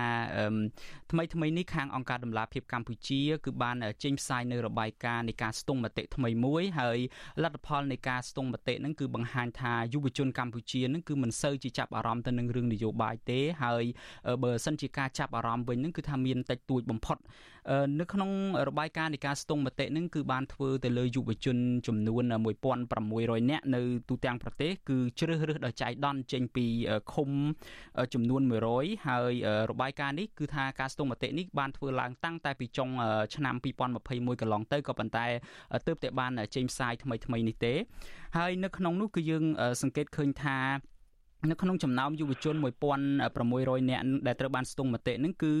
ពួកគាត់តិចតួចប៉ុណ្ណោះដែលលើកឡើងថាពួកគាត់ចាប់អារម្មណ៍ទៅនឹងរឿងនយោបាយខណៈយុវជនភាគច្រើនហ្នឹងថ្លែងថាពួកគាត់មិនចាប់អារម្មណ៍ទាល់តែសោះឬមួយក៏ចាប់អារម្មណ៍បន្តិចបន្តួចទៅលើបញ្ហានេះហើយមូលហេតុដែលសំខាន់គឺថាពួកគាត់ឲ្យដឹងថាការដែលមិនសូវជាចាប់អារម្មណ៍ឬមួយក៏មិនចាប់អារម្មណ៍ទាល់តែសោះហ្នឹងគឺអ្នកខ្លះគឺអះអាងថាគាត់អត់បានដឹងរឿងនយោបាយទេអ្នកខ្លះទៀតថាខ្លួននៅវ័យក្មេងពេកហើយខ្លះទៀតទៅថារឿងនយោបាយនេះមិនមែនជាកិច្ចការរបស់ខ្លួនទេស្របពេលដែលអ្នកខ្លះទៀតអះអាងថានយោបាយគឺជារឿងដ៏គ្រោះថ្នាក់ដែលពួកគាត់នឹងមិនមិនគួរឬមួយក៏មិនត្រូវចាប់អារម្មណ៍ទេហើយយើងឃើញចំណុចមួយទៀតនេះគឺថាមានយុវជនមួយភាគតូចប៉ុណ្ណោះដែលបានពិភាក្សារឿងនយោបាយឬមួយក៏បញ្ហានយោបាយនេះជាមួយនឹងក្រុមគ្រួសារជាមួយនឹងមិត្តភ័ក្តិរបស់ពួកគាត់ ហើយដូច្នេះហើយជាបន្តទៅទៀតនេះខ្ញុំចង់ជម្រាបសួរទៅលោកពេជ្រពិសីតែម្ដងពីព្រោះរបាយការណ៍ស្ទង់មតិនេះធ្វើឡើងដោយអង្គការដំឡាភិបកម្ពុជាខ្ញុំចង់ឲ្យលោកពេជ្រពិសីជួយរៀបរាប់បន្ថែមទៀតអំពីលទ្ធផលនៃការស្រាវជ្រាវនេះហើយយើងផ្ដោតទៅលើតែបញ្ហានយោបាយទេយើងមិនចង់លើកឡើងពីបញ្ហាដទៃទៀតទេទេបាទសូមអញ្ជើញលោកពេជ្រពិសីបើសិនជាលោកនៅជាមួយយើងពេលនេះបាទបាទសូមជំរាបសួរអឺ ប្រិយមិត្តអ្នកស្ដាប់ហើយនឹងសហការីនៅក្នុងកម្មវិធីវិទ្យុនេះផងដែរការសិក្សានេះគឺជាការសិក្សាមួយដែលតំណាងឲ្យយុវជននៅទូទាំងប្រទេសហើយយើងធ្វើការសិក្សាដោយផ្អែកទៅលើវិស័យ3ដែលយើងចង់ស្វែងយល់អំពីយុវជនហើយនឹង ការយល់ឃើញរបស់គាត់បទពិសោធន៍របស់គាត់តកតងទៅនឹងគោលនយោបាយជាតិសំខាន់សំខាន់បាទហើយក្នុងនោះវិស័យដែលសំខាន់មួយនោះគឺវិស័យនយោបាយដែលយើងចង់ដឹងថាតើពលរដ្ឋយើង ជាសេយុវជនពីអាយុ15ទៅ30ឆ្នាំតើគាត់យល់ដឹងយ៉ាងម៉េចដែរអំពីវិស័យសង្គមវិស័យនយោបាយហើយថាតើគាត់ មានឆន្ទៈនៅក្នុងការចូលរួមកម្រិតណាអីជាដើមបាទតាមការរកឃើញនេះគឺដូចលោកមានប្រសាសន៍អញ្ចឹងគឺយើងបានរកឃើញថាកម្រិតនៃការចាប់អារម្មណ៍របស់យុវជនយើងនៅក្នុងវិស័យនយោបាយហ្នឹងគឺនៅមានកម្រិតទាបនៅឡើយបាទយើងសួរគាត់ថាតើគាត់មានចំណាប់អារម្មណ៍យ៉ាងដូចម្ដេចដែរនៅក្នុងការចូលរួមវិស័យនយោបាយហើយយើងបានរកឃើញថា82% នៃយុវជនសរុបទាំងអស់ដែលយើងបានសួរហ្នឹងគឺគាត់ឆ្លើយថាគាត់មិនចាប់អារម្មណ៍ឬក៏គាត់ចាប់អារម្មណ៍តិចតួចបាទអញ្ចឹងយើងអាចបូកបញ្ចូលគ្នាទៅឃើញ82%នៃយុវជនរបស់យើងនឹងមិនមានចំណាប់អារម្មណ៍ចូលរួមនៅក្នុងវិស័យនយោបាយទេបាទបាទហើយយើងសួរថាហេតុអីបានជាគាត់មិនចាប់អារម្មណ៍ហើយគាត់ ជាច្រើនគាត់ឆ្លើយថាគាត់អត់មានចំណេះដឹងគ្រប់គ្រាន់អឺគាត់មិនអឺមិនមែនជាទូនទីរបស់គាត់ហើយគាត់គិតថានយោបាយហ្នឹងគឺមានគ្រោះថ្នាក់របស់គាត់បាទអញ្ចឹងគឺជាការយកឃើញមួយដែលក្នុងនាមជាអង្គការដែលធ្វើការជាមួយយុវជនយើងមានការព្រួយបារម្ភចំពោះដំណើរវិវត្តបែបនេះដោយសារយុវជនយើងមានចំនួនច្រើន1ភាគ3នៃប្រជាពលរដ្ឋកម្ពុជាគឺ ជាយុវជនដែលមានអាយុពី15ដល់30ឆ្នាំបាទអញ្ចឹងជាចំនួនមួយដែលច្រើនហើយកម្ពុជាត្រូវការការចូលរួមរបស់ពួកគាត់នៅក្នុងគ្រប់វិស័យមិនថានៅក្នុងវិស័យនយោបាយទេវិស័យសង្គមវិស័យសេដ្ឋកិច្ចវិស័យបរិស្ថាននេះជាដើមបាទបាទ អរគុណលោកពេជ្រពិសីច្រើនដែលបានជួយរៀបរាប់សង្ខេបនិងលម្អិតបន្ថែមទៀតអំពីការរកឃើញនេះខ្ញុំចង់ងាកទៅលោកកុងរាយាលោកកុងរាយាដោយលោកអ្នកនាងបានជ្រាបស្រាប់ហើយថាលោកគឺជាយុវជនសកម្មមួយរូបនៅក្នុងកិច្ចការងារសង្គមក្តីរឿងនយោបាយអីក្តីហ្នឹងហើយលោកធ្លាប់ជាប់ពន្ធនាគារ2ដងឯណោះលើកទី1ហ្នឹងដោយសារនិយាយរឿងបដិវត្តពណ៌ហើយលើកទី2ហ្នឹងគឺថាលោកជាប់ឃុំដោយសារតែលក់អាវដែលមានរូបនឹងទស្សនៈបណ្ឌិតកែមលីនៅក្នុងខួបឱកាសនៃ គិតកម្មរបស់គាត់កាលពី2ឆ្នាំមុននេះហើយថាតើចំពោះលោកកុងរាយាវិញនៅពេលដែលរបាយការណ៍សិក្សាស្រាវជ្រាវថ្មីមួយរបស់ដំណាលអង្គការដំណាលភាពកម្ពុជារកឃើញនៅពេលនេះថាតើលោកមានទស្សនៈយល់ស្របឬមួយក៏យល់ឃើញយ៉ាងណាដែរចំពោះការរកឃើញនេះថាតើវាឆ្លុះបញ្ចាំងការពិតនិងការសង្កេតរបស់លោកបែបណាខ្លះបាទបាទជាថ្មីម្ដងទៀតជំរាបសួរបងតារាហើយជំរាបសួរអឺពន្លកនិងជំរាបសួរបងពេជ្រពិសី ហើយក៏សូមជម្រាបសួរទៅដល់ពុកម៉ែបងប្អូនទាំងក្នុងនិងក្រៅប្រទេសដែលកំពុងតែតាមដានស្ដាប់វិទ្យុអស៊ីសេរីផងដែរអឺ សម្រាប់ខ្ញុំខ្ញុំមិនភ្ញាក់ផ្អើលទេ ចំពោះរបាយការណ៍ស្រាវជ្រាវរបស់អង្គការដំណាភិបកម្ពុជាពាក់ព័ន្ធជាមួយនឹងភាគរយដ៏ច្រើនសន្ធឹកសន្ធាប់របស់យុវជនដែលមានចំនួនដល់ទៅប្រមាណជា80%ដែលមិនចាប់អារម្មណ៍ឬក៏ចាប់អារម្មណ៍តិចតួចហើយបើតាមការមើលព័ត៌មានហ្នឹងគឺខាងអង្គការដំណាភិបហ្នឹងគាត់បានបញ្ជាក់ថាមានយុវជនប្រមាណតែ17%ទេ ដែលពួកគាត់ចាប់អារម្មណ៍ឬក៏ដឹងពីគោលនយោបាយរបស់រដ្ឋាភិបាលធ្លាប់ដឹងធ្លាប់ឮបាទអឺសម្រាប់បាទសូមឥឡូវជំរាបសួរកុងរាយាបាទបាទបាទបាទសូមសូមបន្តលោកកុងរាយាបាទអំបញ្ញមិញនេះយើងមានបញ្ហាបច្ចេកទេសបន្តិចសូមលោកបន្តទៀតចុះបាទ បាទគឺសម្រាប់គឺរបាយការណ៍នេះសម្រាប់ខ្ញុំគឺខ្ញុំមិនមានអីបដិសេធទេហើយខ្ញុំក៏យល់ស្របនៅចំពោះរបាយការណ៍នេះដែរគឺពាក់ព័ន្ធជាមួយនឹងថាថាតើមូលហេតុអ្វីដែលធ្វើឲ្យយុវជនគាត់មានការចាប់អារម្មណ៍តិចតួចចំពោះការចូលរួមនយោបាយឬក៏តាមដាននៅសកម្មភាពនយោបាយកម្ពុជាឬក៏តើតើអ្វីជាមូលហេតុដែលធ្វើឲ្យ យុវជនភាគច្រើនលើសលប់ហ្នឹងដែលគាត់អត់ខ្វាយខ្វល់អត់ចាប់អារម្មណ៍ក្នុងហ្នឹងឃើញរបាយការណ៍ដោយតែបងវិស័យគាត់បានរៀបរាប់ហ្នឹងគឺទី1អាចខ្វះចំណេះដឹង ទី2គាត់យល់ថាវាមិនមែនជាតួនាទីរបស់យុវជន ទី3គឺគាត់យល់ថានយោបាយហ្នឹងគឺគ្រោះថ្នាក់ខ្ញុំសូមចាប់អារម្មណ៍ឡើងវិញពាក់ព័ន្ធជាមួយនឹងចំណុចទាំងអស់ហ្នឹងដែរពាក់ព័ន្ធជាមួយនឹងការខ្វះចំណេះដឹង យើងដឹងថារដ្ឋាភិបាលគាត់មានគោលនយោបាយច្រើន ជាពិសេសគឺអឺគោលនយោបាយអឺចយុទ្ធសាស្ត្រចតុកោណដំណាក់កាលទី1ទី2ទី3មកដល់ឥឡូវទី4ហ្នឹងគាត់បានចេញជាគោលនយោបាយហើយប៉ុន្តែយើងសួរថាតើបន្ទាប់ពីគាត់ចេញពីគោលចេញជាគោលនយោបាយហើយតើគាត់មានចេតនាក្នុងការផ្សព្វផ្សាយគោលនយោបាយរបស់រដ្ឋាភិបាលហ្នឹងឲ្យ ពលរដ្ឋជាពិសេសយុវជនក៏បានដឹងអត់ក៏បានស្វែងយល់អត់ឬក៏គាត់គ្រាន់តែបង្កើតជាយុទ្ធសាស្ត្រហើយគាត់គ្រាន់តែធ្វើការផ្សព្វផ្សាយឲ្យទៅរួចឬក៏បង្កើតជាយុទ្ធសាស្ត្រឲ្យទៅរួចទៅហើយគាត់អនុវត្តតែគ្នាគាត់ទៅចង់ពលរដ្ឋឬក៏យុវជនគាត់តាមដានឬក៏មិនតាមដានគឺស្រេចទៅលើយុវជនទៅគឺពួកគាត់អត់មានអត់មានការព្រួយបារម្ភឬក៏ខ្វាយខ្វល់ពីព័ត៌មានដែលចែកចាយឲ្យទៅកាន់ពលរដ្ឋនិងយុវជនអំពីគោលនយោបាយដែលរដ្ឋាភិបាលបានដាក់ចេញនឹងឬអត់ទេ ពាក់ព័ន្ធជាមួយនឹងរដ្ឋាភិបាលនឹងដែរគឺចំណុច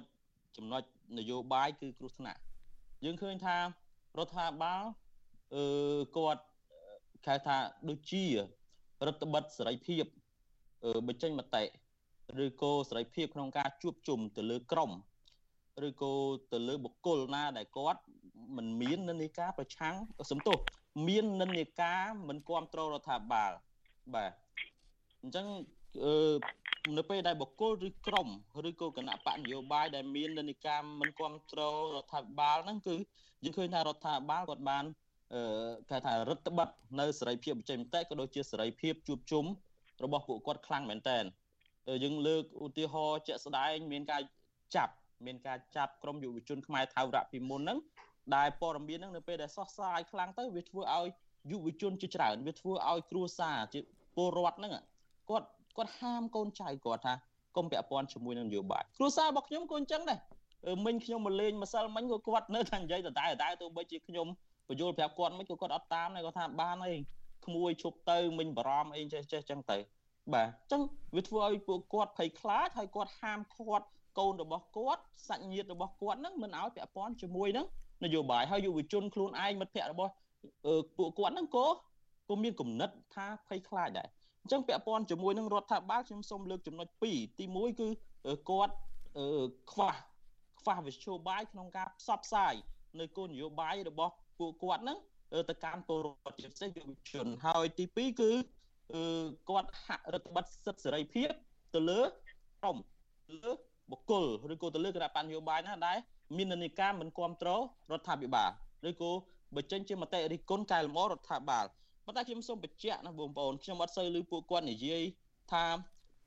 ការអនុវត្តរបស់រដ្ឋាភិបាលនឹងមានស្តង់ដារពីរឯប៉ុន្តែខ្ញុំចង់និយាយថាការអនុវត្តរបស់រដ្ឋាភិបាលគឺមានស្តង់ដារពីរចំពោះអ្នកដែលគ្រប់គ្រងរដ្ឋាភិបាលមិនថាក្រមមិនថាគណៈបកឬក៏មិនថាអឺបុគ្គលទេឲ្យតែពួកគាត់មាននិន្នាការក្នុងការគ្រប់គ្រងគណៈបកពួកគាត់មានលំហសេរីភាពធំធេងបាទជួនកាលបុគ្គលខ្លះគាត់និយាយទៅគឺខុសច្បាប់ផង ខុសក្រមព្រហ្មទណ្ឌផងប៉ុន្តែពួកគាត់មិនដែលមានបញ្ហាអីទេគាត់អាចចោទប្រកាន់គាត់អាចលៀបពណ៌គាត់អាចគំរាមគេបានស្រាច់តែអំពើចិត្តរបស់ពួកគាត់នៅពេលដែលពួកគាត់នឹងមាននិន្នាការគ្រប់គ្រងគណៈបកកណ្ដាលអំណាចឬក៏រដ្ឋាភិបាលអានេះហើយគឺជាការអនុវត្តលំហសេរីភាពបែបស្តង់ដារ2ជាពិសេសខ្ញុំឃើញសសយកសហភាពសហព័ន្ធយុវជនកម្ពុជាឃើញថានៅពេលដែលពួកគាត់ធ្វើសកម្មភាពអីក៏ដោយតែងតែមានការសហការពីមន្ត្រីរបស់រដ្ឋ បាទតាំងពីមូលដ្ឋានរហូតដល់ថ្នាក់ជាតិប៉ុន្តែយើងសង្កេតឃើញក្រុមអង្គការសង្គមស៊ីវិលនៅពេលដែលគាត់រៀបចំកម្មវិធីអីមួយគឺមិនមិនមានការសហការឲ្យពេលខ្លះអឺមន្ត្រីអាជ្ញាធរគឺហាមឃាត់រៀបរៀងមិនឲ្យពួកគាត់ប្រពៃកម្មវិធីអីផ្សេងដែលពាក់ព័ន្ធជាមួយនឹងសិទ្ធិពាក់ព័ន្ធជាមួយនឹងការ ជួបជុំសម្ដែងមតិទៀតផងបាទខ្ញុំនឹងងាកមកយុវជនកងរាយាវិញបន្តិចទៀតនេះខ្ញុំចង់ផ្ដល់ឱកាសនេះជូនលោកគៀនប្រឡូកបន្តិចវិញដោយសារតែលោកបានរងចាំយូរមកហើយដែរហើយលោកគងរាយាអំបញ្ញមិញនេះបានលើកមកជ្រុងទៀតអំពីទស្សនវិជ្ជានៃសង្គមគ្រួសារនៃបរិបទនៅក្នុងប្រទេសកម្ពុជាយើងនឹងដូចយើងប្រហែលជាបានលើទាំងអស់គ្នាហើយជាទូទៅឪពុកម្ដាយសាច់ញាតិបងប្អូន គឺថាតែងតែណែនាំទៅដល់កូនចៅសាច់ញាតិរបស់ខ្លួននឹងថាកុំឲ្យទាំងពាក់ព័ន្ធទៅនឹងរឿងនយោបាយហើយយើងបើយើងផ្អែកទៅលើទស្សនវិជ្ជាមួយវចនានុក្រមរបស់សម្ដេចព្រះសង្ឃរាជជួនណាតបានពន្យល់ដែរអំពីពាក្យថានយោបាយនេះគឺថាគេបញ្យល់ថាវាជាល្បិចកលនៃការដឹកនាំជនដតីនឹងឲ្យប្រព្រឹត្ត យ៉ាងនេះយ៉ាងនោះទៅតាមការចង់បានក៏ប៉ុន្តែនេះគ្រាន់តែជាចំណុចមួយឯចំណុចដែលគេបញ្យលលំអិតមួយទៀតដែលសម្ដេចព្រះសង្ឃរាជជួនណាតបានបញ្យលលំអិតមួយទៀតហ្នឹងគឺថានយោបាយនេះគឺសំដៅទៅដល់កិច្ចការដែលតាក់ទងទៅនឹងការគ្រប់គ្រងរដ្ឋតែម្ដងហើយបើនៅក្នុងភាសាថៃវិញគេប្រើភាសាការមឿងដែលសំដៅទៅលើកិច្ចការងារស្រុកទេសហ្នឹងតើលោកគៀនប្រលោកយល់ថានេះជាកំហុសដែរទេនៅពេលដែលប្រជាជនយើងជាទូទៅយល់ថារឿងនយោបាយនេះគឺជារឿងរបស់គេទេគឺជារឿងដែលនាំឲ្យគ្រោះថ្នាក់គឺជារឿងល្បិចកលឯហ្នឹងតាមការពិតគឺជារឿងនៃការគ្រប់គ្រងស្រុកទេសហ្នឹងបាទជាបឋមខ្ញុំបាទសូមគោរពជំរាបសួរបងយ៉ងច័ន្ទរាសូមជំរាបសួរបងគង់រាយានិងជំរាបសួរបងពេជ្រពិសីហើយនិងប្រិយមិត្តអាស៊ីសេរីទាំងអស់បាទតាំងពីពិតទៅពាក់ព័ន្ធជាមួយនឹងនយោបាយនេះដែរយើងកលែងឃើញថាពាក្យថានយោបាយតាំងពីពិតទៅយុវជនមួយចំនួនហ្នឹងគឺគាត់មិនទាន់យល់ដឹងច្បាស់អំពីកិច្ចការនយោបាយទេបាទ អញ្ចឹងពាក្យថានយោបាយគ្រាន់តែជាសិល្បៈមួយក្នុងការដឹកនាំរដ្ឋបាទអញ្ចឹងហើយយុវជនមួយចំនួនហើយនិងប្រជាពលរដ្ឋមួយចំនួនឲ្យតែលើសូពាក្យថានយោបាយហ្នឹងគឺគាត់ព្រួយបារម្ភគាត់ខ្លាចមានគ្រោះថ្នាក់ទៅដល់ខ្លួនក៏ប៉ុន្តែយើងដឹងហើយថានយោបាយទោះបីជាយុវជនមិនចង់ពាក់ព័ន្ធជាមួយនឹងនយោបាយក៏នយោបាយពាក់ព័ន្ធជាមួយនឹងយុវជននិងប្រជាពលរដ្ឋដែរព្រោះអីការរស់នៅក្នុងសង្គមមួយទាំងផ្នែកសេដ្ឋកិច្ច ផ្នែកបព្វធម៌គឺសុទ្ធតែជាបញ្ហាដែលពាក់ព័ន្ធជាមួយនឹងនយោបាយអញ្ចឹងអ្វីដែលយុវជនបាទចាប់អារម្មណ៍ទៅលើផ្នែកនយោបាយយើងដឹងហើយថានៅក្នុងសង្គមប្រជាធិបតេយ្យគឺការចូលរួមរបស់យុវជននេះគឺមិនអាចខ្វះបានទេហើយជាពិសេសហ្នឹងគឺយុវជន គឺជាកម្លាំងចលករមួយសម្រាប់រុញច្រានប្រទេសជាតិក្នុងការអភិវឌ្ឍមិនត្រឹមតែប៉ុណ្ណឹងទេយុវជន គឺជាអ្នកបន្តវេន បាទសម្រាប់អ្នកនយោបាយចំនួនក្រោយអញ្ចឹងហើយខ្ញុំក៏លេចឃើញថាបច្ចុប្បន្ននេះ បាទការចូលរួមនៅក្នុងវិស័យនយោបាយនេះហេតុអីបានជាយុវជនគាត់ខ្លាចគាត់មិនហ៊ានក្នុងការចូលរួមអញ្ចឹងហើយខ្ញុំក៏លេចឃើញថាយុវជន មានទាំងការចូលរួមបែបប្រយោលហើយនិងយុវជនមានការចូលរួមបែបផ្ទាល់អឺបងគង់រយ៉ាគាត់បានលើកឡើងហើយថា ការចូលរួមរបស់យុវជននៅក្នុងសង្គមកម្ពុជានេះគឺមានស្តង់ដារ2នេះគឺជាអ្វីដែលខ្ញុំក៏គ្រប់គ្រងដែរមានន័យថាយុវជនដែលគ្រប់គ្រងគណៈបកកណ្ដាលអំណាចគឺត្រូវបានលើកទឹកចិត្តបាទទោះបីជាគាត់និយាយខុសផ្លូវច្បាប់យ៉ាងណាក៏ដោយក៏រដ្ឋាភិបាលមិនបានចាប់ទោសកំហុសអ្វីដែរក៏ប៉ុន្តែយុវជនដែលមាននិន្នាការផ្ទុយពីរដ្ឋាភិបាល យុវជនទាំងអស់នោះទោះបីជាគាត់មានសមត្ថភាពគាត់បង្ហាញឆន្ទៈមួយក្នុងការនិយាយអំពីជាតិនិយមបាទការការពារប្រទេសជាតិរបស់ខ្លួនក៏ត្រូវរដ្ឋាភិបាលធ្វើការចោទប្រកាន់ហើយជាក់ស្ដែងយើងឃើញថាថ្មីថ្មីនេះមានយុវជនជាច្រើនដូចជាបងគង់រយ៉ាក៏ធ្លាប់ជាប់ឃុំដែរយុវជនបរិស្ថានហើយនិងយុវជនដែលរ៉េតអំពីបញ្ហាសង្គមបាទគឺមិនត្រូវ បានលើកទឹកចិត្តទេក៏ប៉ុន្តែផ្ទុយទៅវិញបែរជាពួកគាត់ទទួលទោសកំហុសទៅវិញហើយអ្វីដែលខ្ញុំភ្ញាក់ផ្អើលគឺរបាយការណ៍ថ្មីថ្មីរបស់ IT Cambodia ឬក៏អង្គការដំឡាភិបកម្ពុជានេះដែលយុវជនចំនួន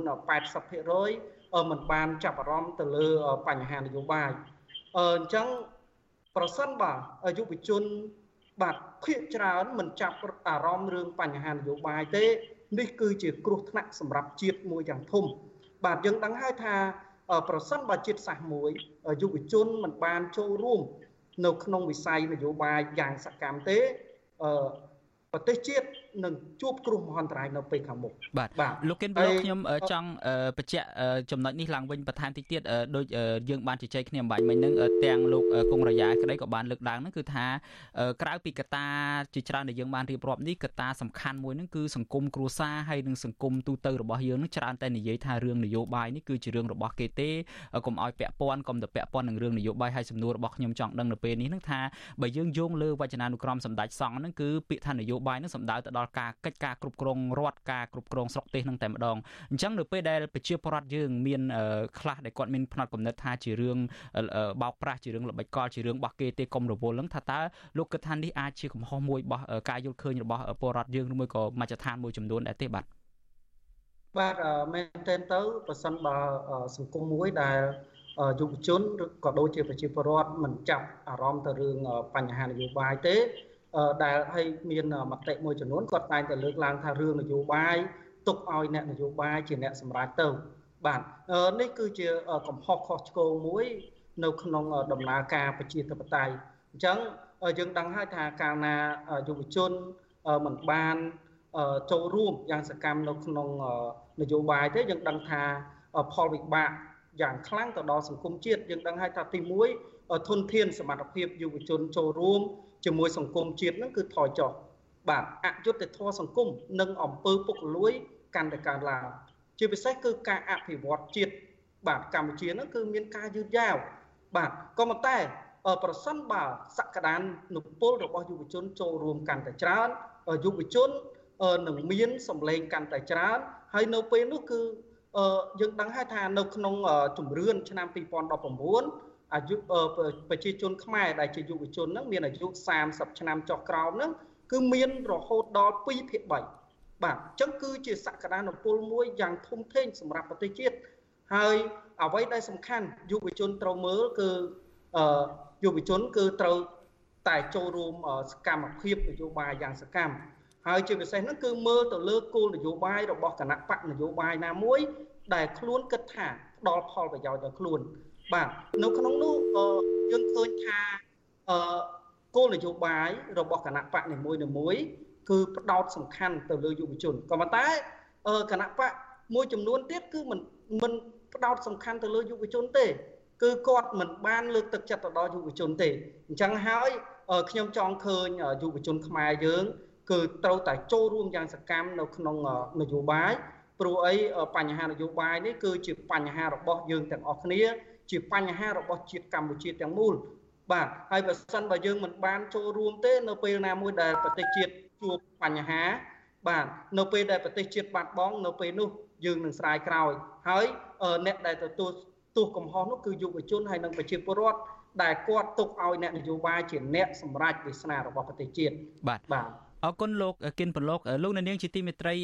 ឡូវនេះយើងកំពុងតែជជែកអំពីប្រធានបទដែលយើងជជែកអំពីហេតុអីបានជាយុវជនមិនចាប់អារម្មណ៍ទៅនឹងរឿងនយោបាយហើយថាតើមានកត្តាអ្វីខ្លះឬមួយក៏មានវិធីសាស្ត្រអ្វីខ្លះដែលយើងអាចជំរុញឬមួយក៏ទាញយុវជនឲ្យងាកមកចាប់អារម្មណ៍នឹងរឿងនយោបាយខណៈដែលការបោះឆ្នោតថ្នាក់ជាតិនឹងនឹងមកដល់នៅប្រហែលខែខាងមុខទៀតនេះហើយលោកនាងប្រសិនបើចង់ចូលរួមបញ្ចេញមតិយោបល់ឬមួយក៏សាកសួរវាគ្មិនកិត្តិយសរបស់យើងលោកនាងអាចដាក់លេខទូរស័ព្ទលោកនាងនៅក្នុងខ្ទង់ comment Facebook និង YouTube ដែលអាស៊ីសេរីកំពុងតែផ្សាយនេះយើងនឹងហៅទៅលោកអ្នកនាងវិញហើយ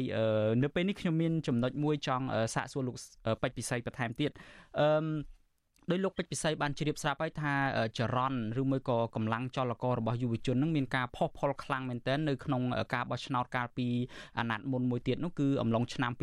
ហ្នឹងយើងឃើញថាមានយុវជនចូលរួមច្រើនជាពិសេសហ្នឹងគឺចរន្តហ្នឹងគឺគ្រប់គ្រងទៅគណៈបកសង្គ្រោះជាតិហើយប៉ុន្តែការវិវត្តក្រោយក្រោយមកទៀតជាពិសេសនៅក្រោយការរំលាយគណៈបកសង្គ្រោះជាតិចរន្តយុវជននេះហាក់បីដូចជាថមថយកម្លាំងទៅវិញថាតើលោកមើលឃើញថាការដែលរំលាយគណៈបកសង្គ្រោះជាតិនៅពេលនោះវាជះឥទ្ធិពលយ៉ាងដូចម្ដេចខ្លះទៅដល់ការចូលរួមរបស់យុវជននៅក្នុងវិស័យនយោបាយនេះបាទថាតើរបាយការណ៍នេះមានចាក់ដល់ចំណុចនេះដែរទេបាទបាទយើងឃើញថាដំណើររបស់កម្ពុជានៅក្នុងការវិវត្តអឺតាមបែបលទ្ធិប្រជាធិបតេយ្យហ្នឹងគឺយើងធ្វើដំណើរវែងឆ្ងាយដែរហើយគឺតាំងពីឆ្នាំ93មកអញ្ចឹងរឿងនយោបាយសម្រាប់យុវជនរឿងលទ្ធិប្រជាធិបតេយ្យ កិច្ចការសិទ្ធិមនុស្សជាដើមហ្នឹងគឺសម្រាប់យុវជនមិនមែនជារឿងថ្មីថ្មីទេបាទយើងបានបណ្ដុះបណ្ដាលយុវជនអំពីសិទ្ធិសេរីភាពអំពីសិទ្ធិនៃការចូលរួមរបស់គាត់ហ្នឹងជាច្រើនឆ្នាំមកហើយតាមរយៈរដ្ឋាភិបាលក្តីតាមរយៈគណៈបកនយោបាយក្តីតាមរយៈអង្គការសង្គមស៊ីវិលដែលធ្វើការរឿងយុវជនទាំងអស់នៅស្រុកខ្មែរហ្នឹងអញ្ចឹងមែនតើទៅយើង បានរកឃើញថាយុវជនមិនមែនគាត់មិនចង់ដឹងមិនចង់ឮរឿងនយោបាយទាំងស្រុងទេបាទបាទហើយយើងបានឃើញឧទាហរណ៍ច្រើនរួចហើយអំពីការចូលរួមរបស់យុវជនក៏ប៉ុន្តែអ្វីដែលយើងបានឃើញមកដល់ពេលនេះគឺមានន័យថាបរិយាកាសនៃការបង្កឲ្យយុវជនចូលរួមនឹងមានការរួមតូចបាទលំហនៃការចូលរួម របស់យុវជនហ្នឹងគឺមានការរួមទៅទៅទៅទៅហើយសិទ្ធិសេរីភាពនៃការប្រតិមតិបាទគ្រប់បែបឆាងឥឡូវនេះនៅក្នុងសង្គមបណ្ដាញសង្គមហ្នឹងក៏មានការរដ្ឋបတ်ទៅទៀតបាទហើយដោយសារយុវជនយើងឃើញថាយុវជនមានពីរប្រភេទទី1គឺយុវជនសកម្មនៅក្នុងកិច្ចការនយោបាយដោយសារគាត់ជាសកម្មជនទី2គឺយុវជនហ្នឹងគាត់មិនមាននិន្នាការកាន់ គណៈបកណាមួយជាក់លាក់ទេបាទប៉ុន្តែគាត់នៅខាងអឺយុទ្ធធរគាត់នៅខាងការគោរពគោលការណ៍សិទ្ធិមនុស្សបាទគាត់នៅខាងអឺការជួយ